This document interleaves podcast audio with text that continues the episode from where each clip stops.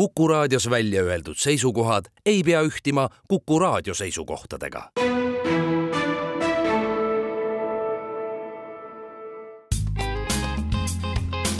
ettevõtlusminutid. saadet toetab Eesti Kaubandus-Tööstuskoda tere, head Kuku kuulajad, eetris on äh, Ettevõtlusminutid ja me räägime täna kaubandusest. sellest, äh, milline on tarbijate ostukäitumine, millised on äh, alanud aasta väljakutsed ja nii edasi ja nii edasi. mina olen Ingela Virkus ja koos minuga on stuudios Rocca al Mare ja Kristiine Keskuse juht, Kaupmeeste Liidu juhatuse liige Kristjan Maaros, tere! Tere! kui me natuke korraks sissejuhatuseks tagasi vaatame, siis kaubandus aastal kaks tuhat kakskümmend kolm, milline see oli, millised olid äh, olulisemad märksõnad sellest aastast?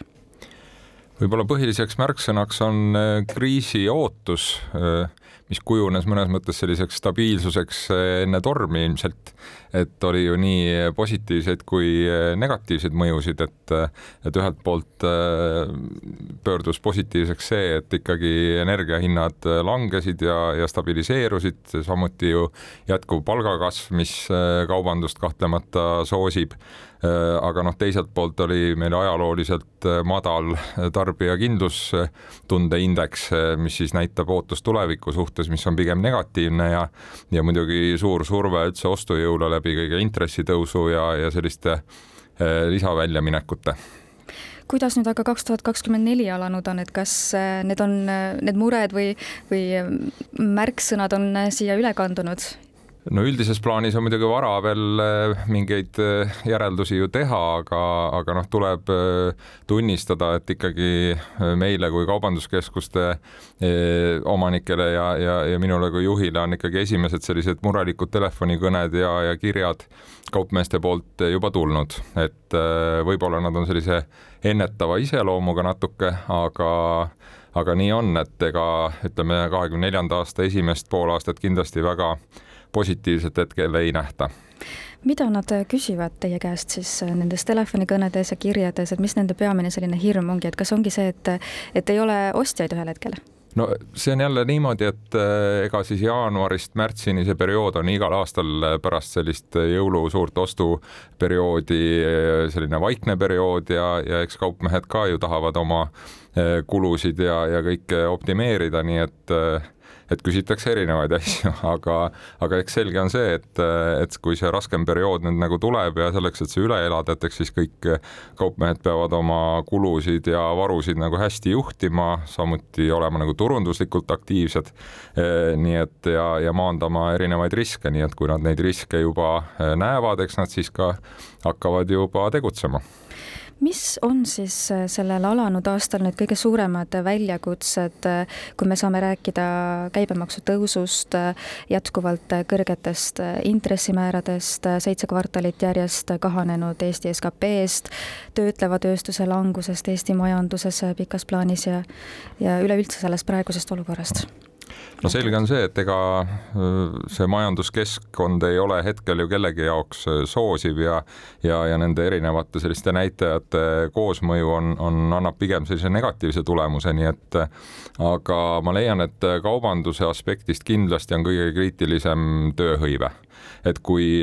kui tekib ikkagi selline suurem koondamiste laine, mis veel levib erinevatesse sektoritesse, et siis see tõmbab nagu tarbimisele selgelt äh, ikkagi pidurit ja, ja kuna kaubandussektor ise on Eesti majandusest juba nii suure osakaaluga sellest SKT-st, et, et siis, siis see kahtlemata noh, võimendab seda negatiivset, nii et, et niikaua, kui ikkagi tööhõivega on meil enam-vähem hästi, Eh, siis eh, võib öelda, et, eh, et läheb ka kaubandusel siiski stabiilselt. aga kõik need märksõnad, mida ma siin ka loetlesin, et mida see tarbija kontekstis selles mõttes tähendab, et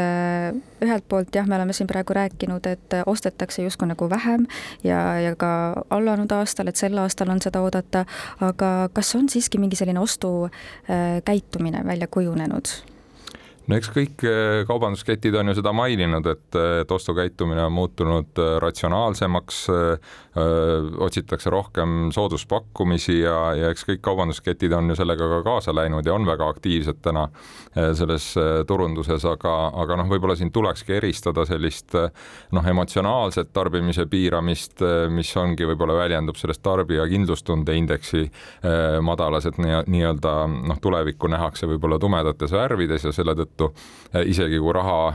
arvel on, siis, eh, siis ostetakse eh, mõistlikumalt. teine olukord tekib ju, ju siis, kui me räägime tõesti sellest, et, et inimestel ei ole enam töökohta ja sissetulekut, noh siis on see reaalsus hoopis, hoopis teine ja siis on ka kaupmehe nii-öelda võimalused seda olukorda mõjutada oluliselt piiratumad, sellepärast et kui, kui inimene ikkagi ka oma ratsionaalse mõttega poodi tuleb, siis eks siis erinevate ma ei taha öelda trikkidega, aga, aga, aga sellise turunduslike eh, pakkumistega on, on ju võimalik eh, seda ostukorvi ka suurendada millised eh, laiemad trendid hakkavad silma siis kaubandusturul, millega on pidanud ka näiteks Kristiine ja Rocca al Mare kaasa minema? No pikalt on ju räägitud ikkagi sellest e-kaubanduse mõjust, mis eriti aktuaalseks muutus siis äh, Covidi kriisi ajal ja kus selgelt tekkis selline e-kaubanduse buum, aga, aga nüüd ka vaadates nagu rahvusvaheliselt ikkagi on selles sektoris näha nagu selget aeglustumist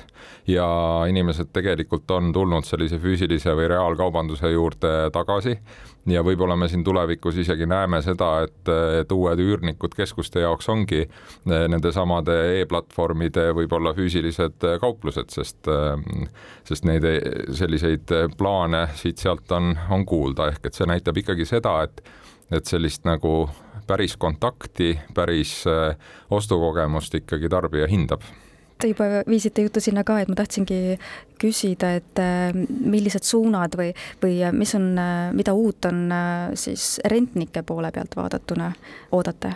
no kui me räägime konkreetselt enda keskustest, siis Rocca al Mare keskus, mis on kahtlemata, kuulub Eesti suurimate keskuste hulka, siis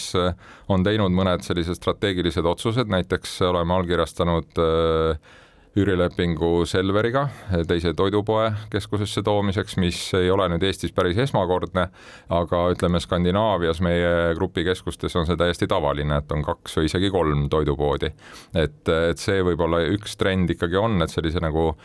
selleks, et tuua inimesed eh, keskusesse kohale, on, peab sul olema selline tugev igapäeva Äh, vajaduse rahuldamise võimekus, et ja, ja kahtlemata selline toidukauba hea valik ja pakkumine ühes kohas on selleks kui üleküllastunud on Eesti kaubandusturg laiemalt, et kas võiks näha konsolideerumisi, kuigi sellest on ka pikalt räägitud, siis mis võiks sellisteks protsessideks ajendi anda? Tõsi ta on, et Eesti kaubandusturg on väga konkurentsitihe ja ennekõike, kui me vaatame, kui palju meil on äh, selle väikse turu kohta erinevaid äh, toidu ja esmatarbekette ja ja viimasel äh, kaubanduskongressil oli sellest ka juttu, et, et mingis ajaperspektiivis see konsolideerumine ilmselt on vältimatu, aga samas ei ole ju mingeid märke sellest, et, et keegi kettidest hakkaks kas käsi nii-öelda üles tõstma või, või, või ennast väga aktiivselt müügiks pakuks, et et eks seda mm, siis aeg näitab, aga, aga noh, kindlasti see, et et kasumlikult nagu pikas perspektiivis toimetada, et see on väljakutse täna kaubanduskettidele, nii et võib tõesti juhtuda, et meid ootavad ees mingid uudised selle koha pealt. mis mõju sellel oleks siis tarbija lõpphindadele näiteks? see vaade on ju nii-öelda kahesuunaline, et on neid, kes ütlevad, et äh, mida tihedam konkurents, seda,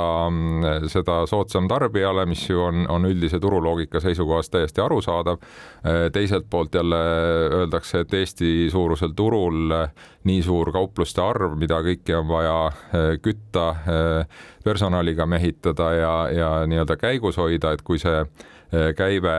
ei võimalda seal nagu kasumlikult äh, toimetada, siis, äh, siis võib see üldsegi tarbija jaoks ikkagi tähendada seda, et, et tema lõppkokkuvõttes selle kinni maksab, nii et aga ise ma usun küll, et, et pigem selline tihe konkurents pikas perspektiivis ikkagi on tarbija kasuks ja kui siis turuosalised keegi hakkama ei saa, eks siis toimuvad juba vastavad muutused kui me vaatasime nüüd natukene tagasi eelmisesse aastasse, rääkisime nüüd alanud aasta väljakutsetest, siis kui natukene piiluda ka sinna järgmisesse aastasse, kaks tuhat kakskümmend viis, siis ähm, oskate te võib-olla prognoosida või isegi natukene ennustada, et kuidas mõjutab Eesti majandust siis kahe tuhande kahekümne viiendal aastal rakenduv tulumaksutõus ja kehtima hakkav automaks, et et kuidas ja mis äh, muutusi need võib-olla siis kaubandusse tooksid või, või kuidas need hakkavad tarbijad mõjutama ja, ja rentnikke? lühike vastus oleks see, et ma usun, et see mõju on kindlasti oluliselt äh, väiksem kui näiteks siin sellel intresside tõusul või energiahindade tõusul, mis äh, ikkagi ähm, piirasid seda tarbimisvõimekust väga oluliselt ja kuna on, on siiski selge, et äh, maksubaasi laiendamine on vältimatu, et, et see on juba poliitiliste valikute küsimus, milliste maksudega, aga ma ei näe, et see põhjustaks nüüd nagu eraldi kaubanduses mingisuguse äh, väga püsiva negatiivse mõju või, või tarbimise piiramise, et, et ikkagi olulisem on see majanduse nagu üldine käekäik ja, ja tervis ja inimeste äh, usk tulevikku, et sellel, sellel baseerub ikkagi paljuski ka, ka kaupmeeste edu aitäh teile saatesse tulemast, Rocca al Mare ja Kristiine Keskuse juht, Kaupmeeste Liidu juhatuse liige Kristjan Maaroos ning palju jõudu ja jaksu teile! suur tänu kutsumast! ettevõtlusminutid. saadet toetab Eesti Kaubandus-Tööstuskoda